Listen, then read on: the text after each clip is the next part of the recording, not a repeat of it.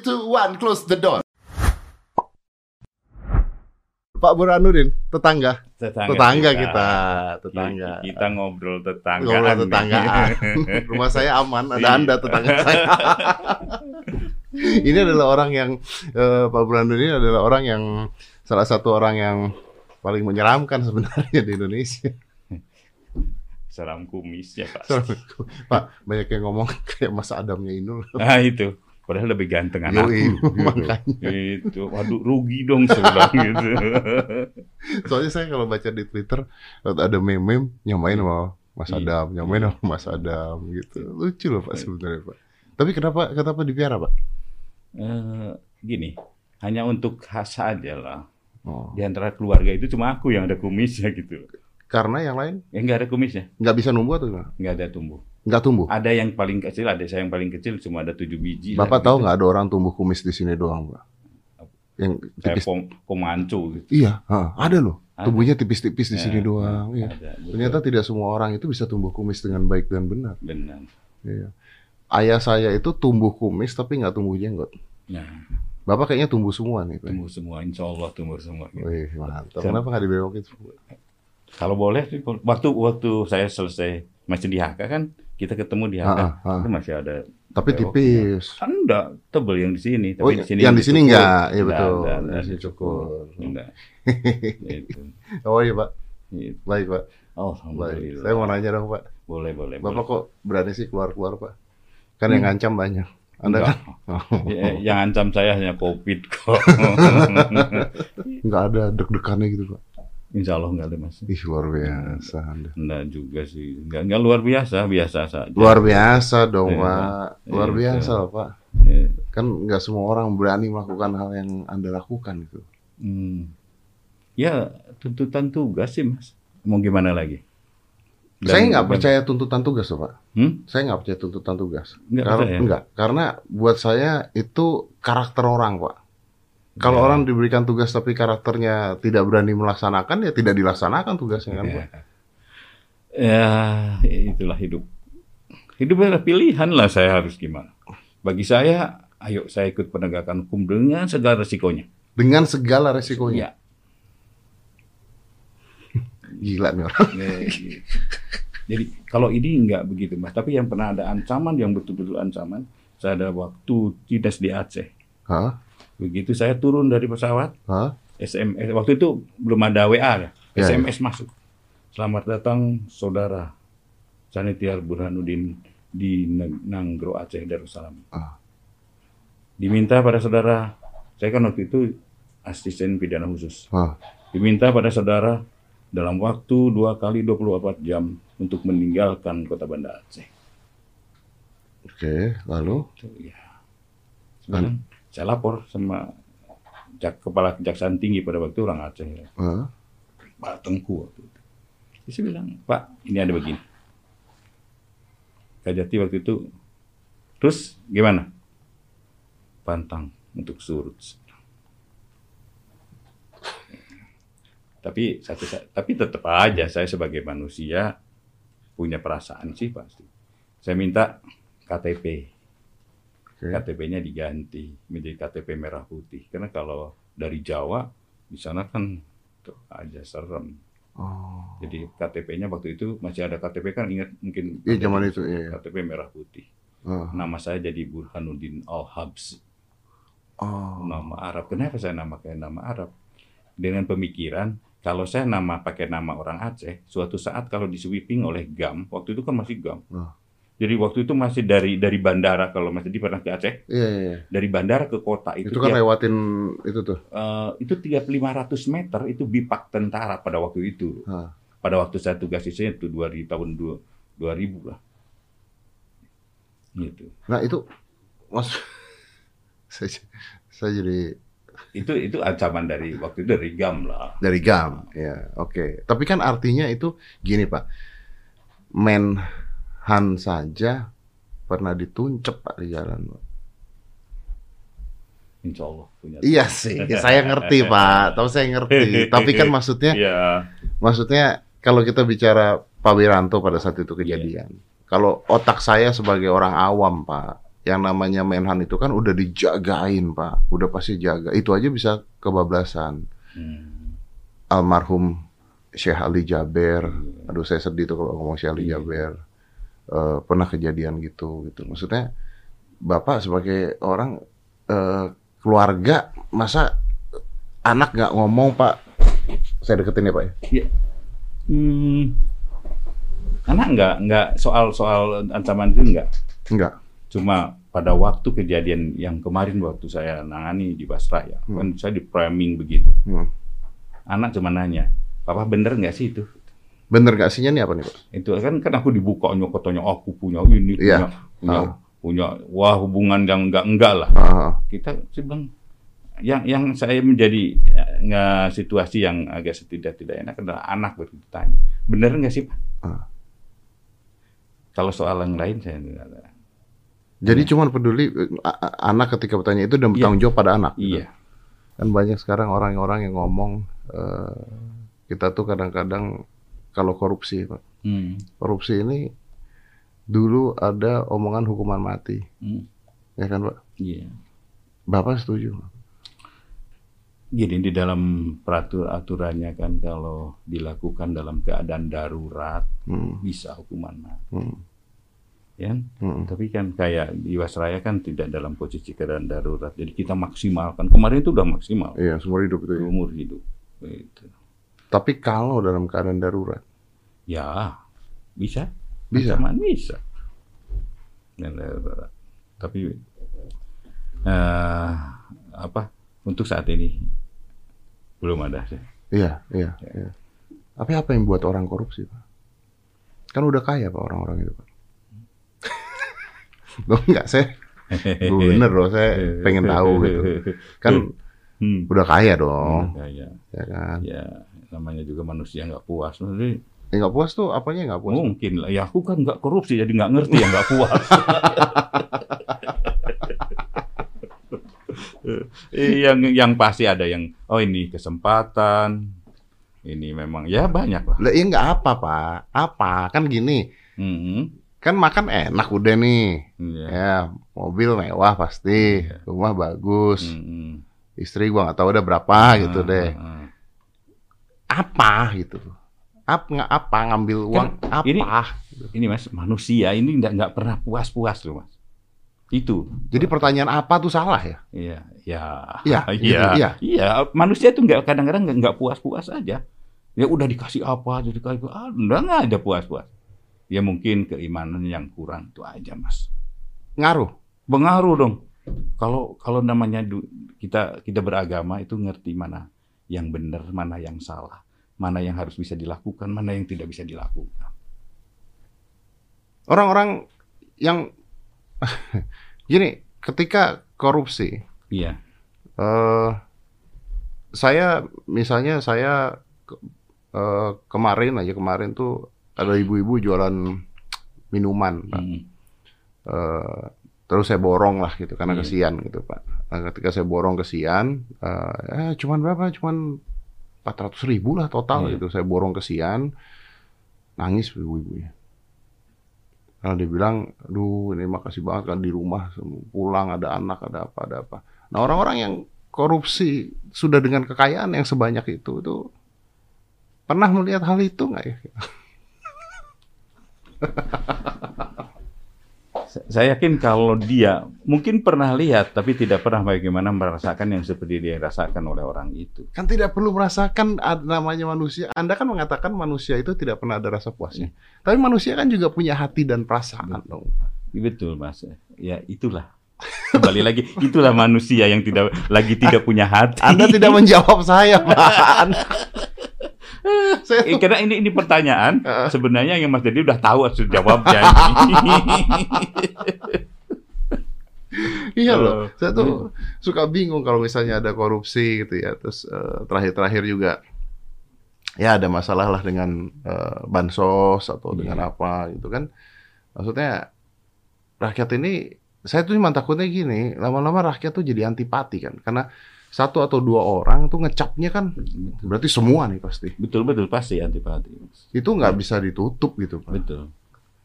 Karena contoh kan Pak, orang yang kita berpikir wah tidak Hmm. mungkin, Hmm. oh ternyata mungkin gitu. ya tidak semua gitu juga. Tidak semua gitu juga. Mas. Jadi tugas Anda adalah untuk mengatasi hal-hal tersebut. Iya. Antara lain. Antara lain mengatasi hal Iya. tersebut. Harus tegas dong. Betul. Memang gimana pun juga perlu ketegasan. Hmm. Dan itu adalah eh, merupakan mm, sebagian dari memang kewajiban. Hmm. Kalau kita tegas, bagi saya itu gini, saya pada waktu saya eh, selalu disebutkan, oh, hmm, saudara, saudaranya ini Hmm. pantas jadi ini. Hmm. Saya bilang kalau saya dalam penegakan hukum, siapa pun, adik pun, kakak pun, kalau memang melakukan tindak pidana, ya mohon maaf aja. Oh ya? Dan itu komit keluarga loh mas. Will you do that, Iya. Pak? Oh ya? Keluarga udah komit pada waktu saya jadi jaksa agung, keluarga kumpul. Kita komit tidak ada yang memerecokin. Oh ya? Iya, Maaf nih, saya tanya. Pak. Kalau misalnya nih, misalnya iya, saudara dekat eh, Anda gitu, iya. atau keluarga, Iya. anak atau siapa Iya. gitu, tiba-tiba melakukan hal tersebut gitu, Iya. tangkap. Saya, iya mas, betul mas. Tapi ini Pak, ini menarik gini Pak. Maksudnya kan kalau di di eh, gini, Bapak merasa nggak, Bapak nyadar nggak kalau pekerjaan Bapak ini sebenarnya ada percuma-percumanya juga Pak? Hmm, Karena iya karena Anda mau ngapain saja tidak akan stop ini korupsi. betul mas. Tapi kan tetap ini harus berjalan, penegakan hukum tetap harus berjalan. Hmm. soal stop dan ini inilah yang menjadi kan saya harus katakan bahwa di kejaksaan kami ya eh, dalam penegakan hukum itu balance balance antara eh, pencegahan Hmm. dan penindak Oke. kita kalau kita cegah di- ditindak terus Hmm. ya kalau nggak dicegah akar permasalahannya apa Tambah besar. ya sama aja Ya di Cina dihukum mati masih ada yang ya, korupsi, ya justru itu Ya kan? makanya faktor pencegahan itu juga merupakan faktor yang utama Oke. yang harus dilaksanakan Oke, faktor pencegahan. Iya. Nah, kalau saya tanya sama Bapak sebenarnya, Pak, Iya. di negara kita ini separah apa Pak korupsinya? Kan kita lihat tuh indeksnya aja kita Iya. hancur-hancuran. ya itu dilihat dari indeks aja itulah Itu yang ketahuan, Pak. ya? Iya, yang yo itu itu ketahuan. Ini ini jujur aja ini eh, apa hmm, gunung es lah. Ini gunung es. Jadi yang ketahuan korupsi itu hanya di atas, di bawahnya lebih besar lagi. Ya saya tidak menyatakan itu, Jadi saya dong yang salah. tidak menyatakan itu, tetapi masih banyak korupsi itu yang yang selama ini mungkin bukan tidak keungkap, tapi memang tidak tersentuh gitu. Tidak tersentuh. Tersentuh. Ya karena bukti awal kita tidak punya atau informasinya kurang. Kan ada juga yang sudah lima tahun Hmm. film baru kita ungkap karena ada bukti-buktinya ketemu. Oke. Karena pelaku korupsi kan orang-orang yang pinter. Hmm. Ini mas masalahnya. Pinter dan mungkin backup juga kuat. Bisa nggak, Pak? Hmm, bisa iya, bisa enggak. Bisa ya, bisa nggak? Oke. Dan bah, berarti mereka pinter. Ya, Ya, karena pasti. bisa bisa ya, Ya, ya, ya. katanya kerah, Ya, kerah putih cerah katanya. putih. Saya- Padahal zaman sekarang mah ada yang kerahnya hitam, Iya. ada yang itu. Hmm. Wah, gila ya. Hmm. Nenek ngambil tiga buah kakao Iya. seharga 2000 di penjara. Satu tahun mencuri kayu. Hmm. Ya, ini memang banyak lah mencuri kayu didiemin banyak. Hmm. Yang ada tuh yang sandal jepit dah tuh neneknya gitu.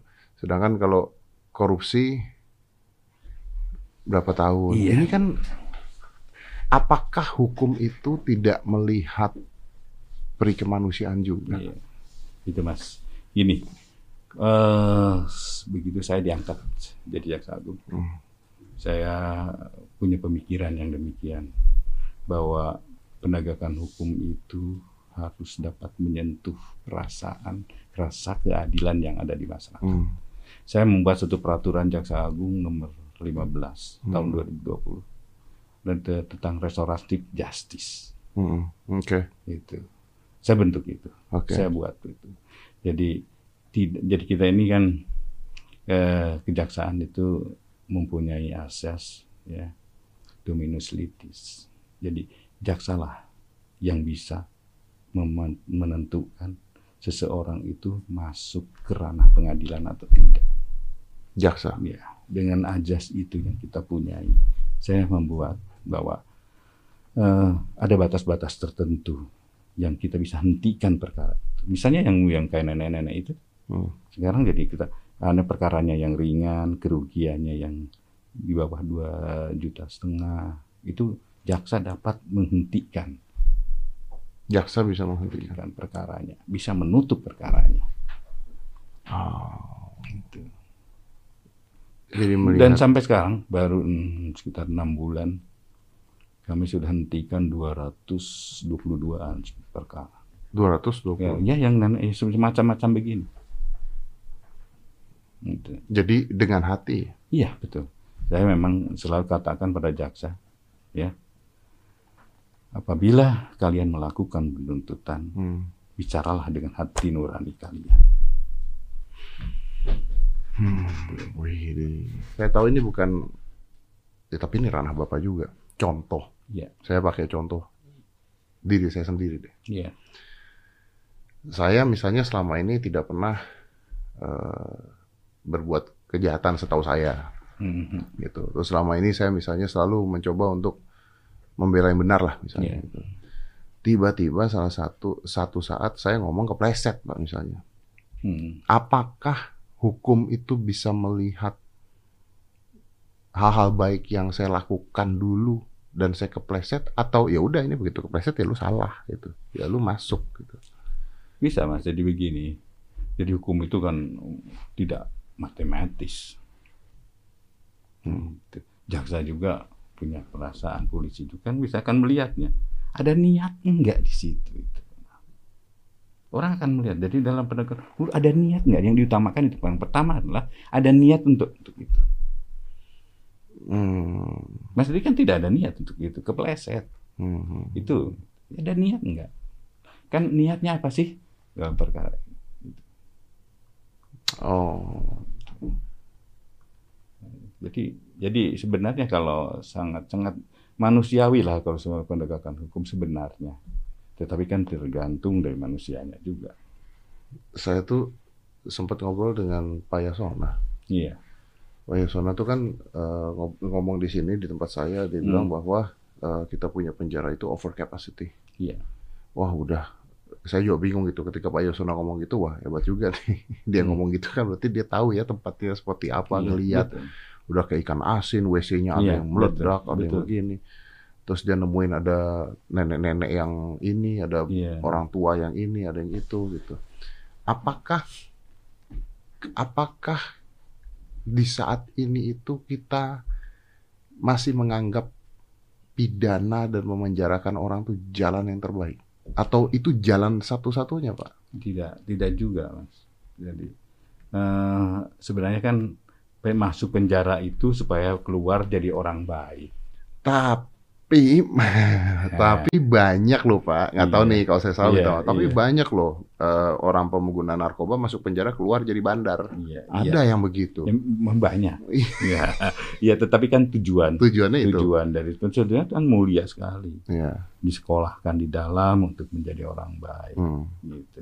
Tetapi karena mungkin situasi di situ ya mungkin jadi kan tapi tapi jangan jangan terus diponis tidak begitu semua mas tidak juga banyak juga yang masuk penjara keluar jadi baik Banyak juga. banyak. Pak ngomongin korup tadi Pak saya tuh lupa satu pertanyaan. Ah, apa itu Jaksa banyak yang disuap. Bapak pernah nggak ditawarin?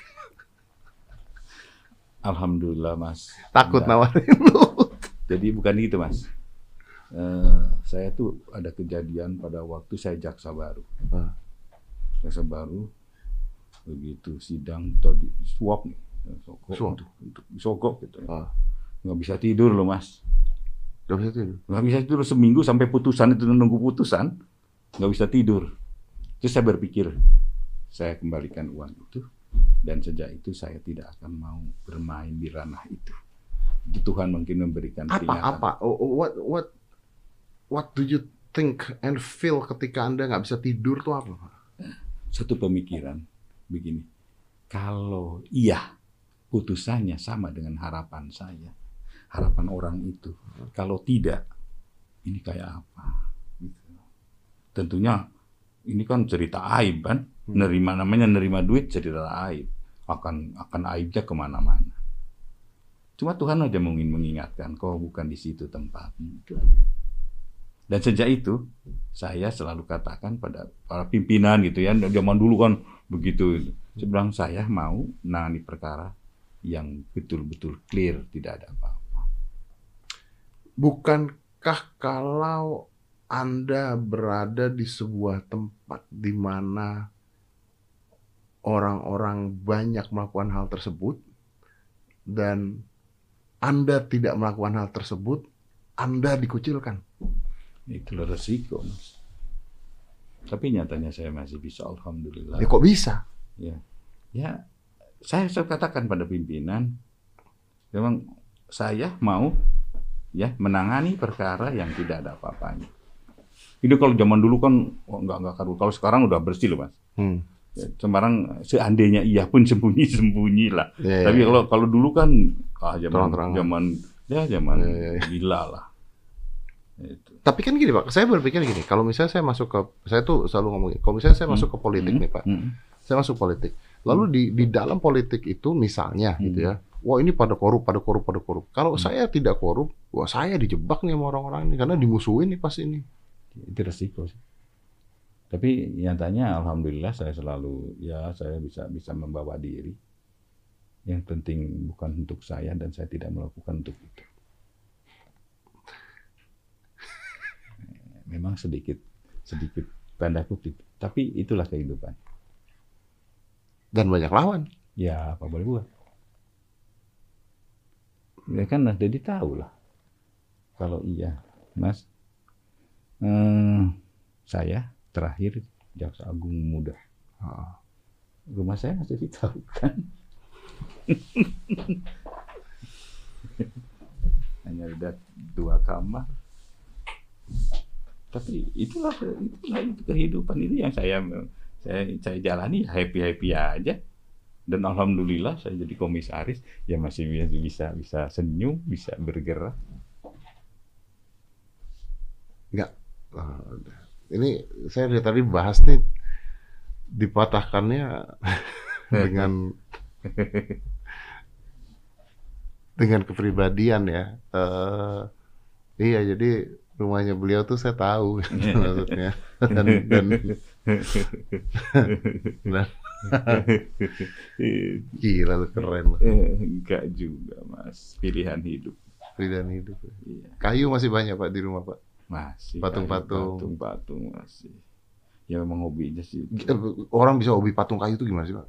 Dan ka- saya gini, saya kan dulu di Jambi mas. Ah, Di Jambi kan tempat kayu. ah. Gitu.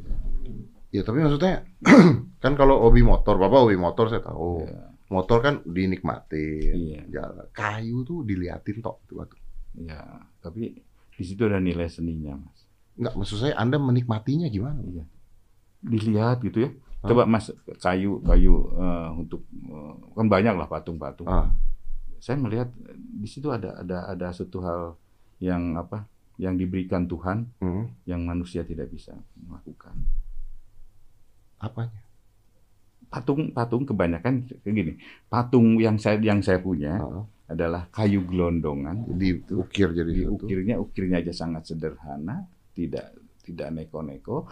Kemudian po- eh, posturnya juga Hmm. ya saya sesuai dengan kayunya Hmm. gitu.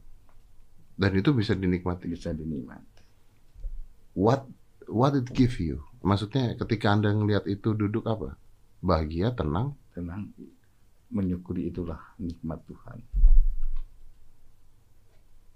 Oh, berarti kayak ini ya. Kayak cewek-cewek yang koleksi tas mahal. kan cewek-cewek itu Pak kalau koleksi tas mahal kan ditaruh di lemari doang dilihatin. itu Dilihatin. dia happy. sama lah mobil mas juga eh mobil banyak itu mah nggak mungkin dinaikin dua-duanya apa tiga-tiga atau empat-empatnya Oh, iya, iya, sekaligus tapi Iya, kan benar. dilihat wih bannya bagus gede ya Iya. Itu hitam pula gitu kan itu sama lah kira-kira Itu mungkin juga itu mungkin juga sifat manusia yang akhirnya ingin memiliki ya Pak ya. Bisa ya? iya bisa aja Iya loh, bener loh. memiliki Karena- kalau kalau mampu untuk memiliki. Kalau mampu untuk memiliki. Karena visual itu mengganggu. Iya, betul. Iya, visual itu mengganggu. Apalagi sekarang zaman Instagram. Wah, zaman Instagram itu Pak, perselingkuhan itu, wih. Zaman-zaman aplikasi. Betul. Gimana coba? Lihat, uh, lebih bagus. Lebih bagus, Wih, bagus bagus. lagi, wih, bagus lagi. Gimana? Wah, ini jadi pantesan ini baru terjawab sudah. Nah, ini baru terjawab sudah. Pantesan nggak nikah nikah lagi. Inilah penyebabnya. Dibuka, wih, tambah lagi. Wah, nggak jadi lagi, nggak jadi lagi. ah, baru, Enggak. baru, baru, baru. Enggak, enggak, enggak. Saudaraku ini baru aku tahu ini. Ter- ternyata dijawabnya dengan jujur. Loh, kan bener. Kan- eh, kalau saya mah saya mah jujur Pak, ini mah saya jujur ya. Saya mah Instagram saya ada tuh foto-foto cewek-cewek cantik itu saya ada yang berapa saya follow-followin ada Iya, Pak, yang saya like-likein juga Eh, ada Pak. eh, Saya mah nggak munafik. eh, iya. Saya kan bukan pejabat. Da- dalam rangka mengakhirinya ini, Ah, ah. jadi, ini, oh, yang ini lah pilih. Oh, ini ada bagus lagi. Ini bagus lagi. Pak, kata-kata Tapi Bapak ini manusiawi. Man, oh, oke. Manusia. Tapi Bapak bisa membuat keributan saya. Gara-gara Anda ngomong ini saya berantem. Tapi tu- tujuanku supaya cepat selesai, cepat beres lagi. Itu. Nah, nawaitunya yang terpenting. nanti kalau udah nikah ngeliatin lagi gimana? Pak? So, Astagfirullahaladzim. Iya, gitu. benar-benar. Gitu. Delete, delete, delete gitu, Pak, ya. Iya, iya, benar, benar. Gitu. Benar. Wah, Anda bikin masalah buat hidup saya. Eh, Bapak tuh boleh mainan Instagram nggak sih, Pak? Hmm? Boleh nggak mainan Instagram? Saya enggak. Ah, nggak mainan. Enggak. Kenapa? Ayo, ayo, kenapa Hmm? ayo? Takut lihat cewek-cewek juga. Takut salah mencet. Salah pencet itu nggak nggak bisa dirubah. itu. Nggak. Takut salah Itu. Jadi Iya. Tapi memang bahaya loh Pak itu Pak. Uh. Karena sosial media itu memberikan kita yang sosial media itu didesain untuk kita tuh adiktif gitu loh Iya. Pak. Mm-mm. Iya. Wah gila. Dan tahu nggak Pak yang saya sayangkan apa? Sosial media itu lebih banyak berita-berita negatif. Karena menurut survei dari mereka, Mhm. berita negatif itu lebih banyak yang likes, lebih banyak yang lihat, Iya, yang suka ya. yang suka. Rumah kebakaran itu orang ngantri ngeliatin Pak. Betul. Betul. Iya. Sekarang banyak orang suka melihat orang sengsara. Iya, betul. Gitu. Betul, aneh lu memang Aneh. manusia. Jadi manusia ini mungkin ciptaan Tuhan yang diberikan kebebasan untuk berpikir inteligensi, tapi terus mereka kebablasan gitu Pak. Itulah Tuhan malah menciptakan manusia itu sebagai eh, makhluk yang mulia. Tapi kemuliaannya itu Nah, ya, iya. dipakai buat apa? buat itu. Iya. Maka itulah kembali lagi mana surga mana neraka. Kalau ingat itu insya Allah lah. Saya juga tidak alim-alim banget gitu loh. Oh, iya, Iya. kelihatan Pak. Dari kum dari kumis nih. Dulu lucu loh mbak. Saya saya kan saya jujur aja saya kan eh, saya bukan bukan bukan apa, eh, saya untuk sholat saya insya Allah tidak pernah ninggalin. Oke. Tetapi pernah teman-teman saya SMA Hmm. saya waktu itu masih inspektur lah di kejaksaan agung. Teman-teman saya itu dia salah satu direktur di PLN. Hmm. Selama nggak ketemu, Oke. begitu eh, masuk ruangan saya, tok tok, lihat saya sholat. Ah. Hah? Bukan sholat. Astagfirullahaladzim. itu bilang ke, ke ke anggota saya, hah? Bukan sholat. Jadi mereka melihat tampangnya aja gitu. Tidak percaya. Enggak, itu tampangnya orang burhan kayak gini mah enggak lah, bukan bukan. Padahal mah kita mah mas dari kecil udah diajarin ngaji terus sama orang tua. Tapi kan nggak mungkin saya ya ayo tuh, di waktu SMA ya ayo ikut-ikutan ya ikut-ikutan. Iya. iya. Tapi kan tetap kalau namanya kewajiban ya tetap kewajiban. Tapi ini Pak yang saya mau tanya Pak, tampang Anda itu asik. Serius nih. Bapak-bapak asik. Tuh, waduh. Bapak-bapak asik. Hmm. Saya kenal Bapak fun. Hmm. Oke. Eh, fun, ramah, asik, bercanda iya, Hmm. nyantai iya. Tetapi bisa ngambil keputusan berat, nekat, ini tuh nggak nyambung, nggak kelihatan. Seperti anda sholat tidak percaya saya gitu kan. itu jadi ya makanya melihat orang tidak bisa dari fisik dari fisiknya tidak bisa dari tampangnya itu kan tampang itu tampang uraan gitu Hmm, iya. tapi insya Allah lah masih masih didengar Tuhan Masih dengan Tuhan. Oke Pak, saya saya tuh senang ngobrol sama Bapak, cuman saya tahu Bapak juga sibuk. Siap. Cuman saya pengen tahu aja. Gimana caranya masyarakat Indonesia ini bisa percaya lagi pada bangsa ini ketika kita ngelihat banyak sekali kasus-kasus seperti yang Bapak tangani, kasus-kasus korupsi, yang korupsi juga pejabat. Pak, saya itu ngobrol sama kelas menengah ke bawah gitu. Itu tuh mereka bahkan udah "Ah, udahlah mau apa terserah lah udah nggak peduli Oh, udah apatis iya gimana caranya membangkitkan Indonesia ini kan wah negara yang direbutkan oleh semua negara Iya. menurut saya. Gitu loh mas. Mengembalikan marwah lagi itu Mm-mm. yang memang sangat sangat sulit ya dan perlu kerja keras. Saya sendiri juga tidak bisa mungkin saya sendirian kan. Tapi juga aparat-aparat yang lain juga Hmm. ya ya ya kita sama maju bareng aja bareng-bareng bagaimana memperbaiki kondisi ini. Tapi masyarakat bisa ngapain ya masyarakat hanya bisa berdoa. Nah, iya. berdoa. Dan mendorong sih sebenarnya. Itu sudah dengan kekuatan media sosial ya sekarang iya mendorong sangat bagus sebenarnya dengan kondisi sekarang. Jadi begini sekarang kalau dulu mungkin jadi pejabat tuh nyaman. Hmm. oh, nyaman oh, betul. sekarang diprototin diprototin apa pun itu, itu adalah hal yang bagus bagi saya itu saya bagi saya saya, saya katakan dengan teman-teman dengan dengan semua pun saya lebih banyak yang ngawasin kejaksaan. Saya lebih senang. Kenapa? Saya tidak terlalu berat untuk itu. Karena kan saya tidak bisa tidak bisa saya harus melihat sampai ke ujung-ujung Indonesia. Oh, kalau ada ada teman-teman yang dengan sukarela nih begini asal dengan tapi dengan dengan kutangkut juga Ya, tidak ingin men- menjatuhkan seseorang atau niat ya, jelek iya, seseorang. iya. Tapi kalau dengan niatan yang bagus saya lebih suka. Gitu. Oh, karena terbukanya cepat ya. Iya, betul. Ya kayak berita misalnya tadi misalnya ada berita baru kayak tadi nenek-nenek apa segala langsung bisa nyampe, bisa langsung nyampe. bisa kelihatan. Dan saya kan bisa langsung Iya. itu di print kita disposisi. Kalau dulu tidak terlihat, hal-hal tersebut. hal tersebut. Ini ini ini bagusnya. Berarti ada bagusnya sosial media. Oh, iya, betul. Ini kontrol bagi Iya. kontrol bagi Dan- bagi aparat penegak hukum. Iya. Ya aparat semua lah. Aparat semua, hukum. Itulah gunanya sosial media. Iya. Selain cewek-cewek tadi itu Pak, tadi Ya, juga itu ada kan ada positif dan negatifnya sih. ada yin, ada yangnya. Tapi kan nggak salah Pak. ya enggak, Hmm, tidak, salah. tidak semua tidak salah. Tidak salah tidak Pak. salah. Yang salah yang yang masang gambar Yang itu. iya, mengganggu muncul kok.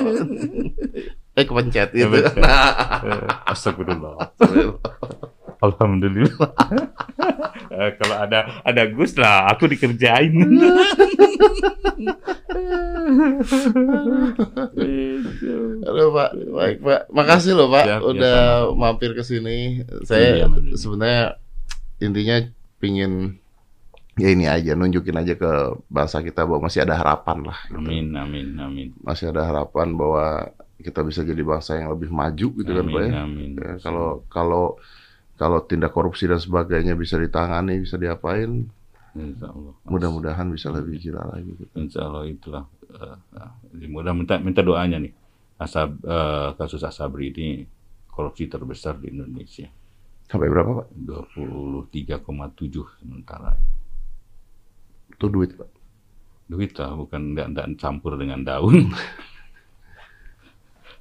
Kalau campur dengan daun 20 23 T 23 triliun. Gila. Itulah. Kita astagfirullahaladzim. 23 triliun. Pernah lihat uang segitu banyak? Belum lah, Mas.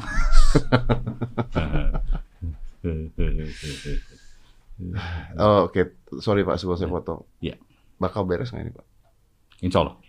Eh, apa nih yang yang mana? Asabri. Sabri insya Allah mas. Ya, jadi saya tidak tidak main-main di sini dan dengan segala risiko saya harus tuntaskan.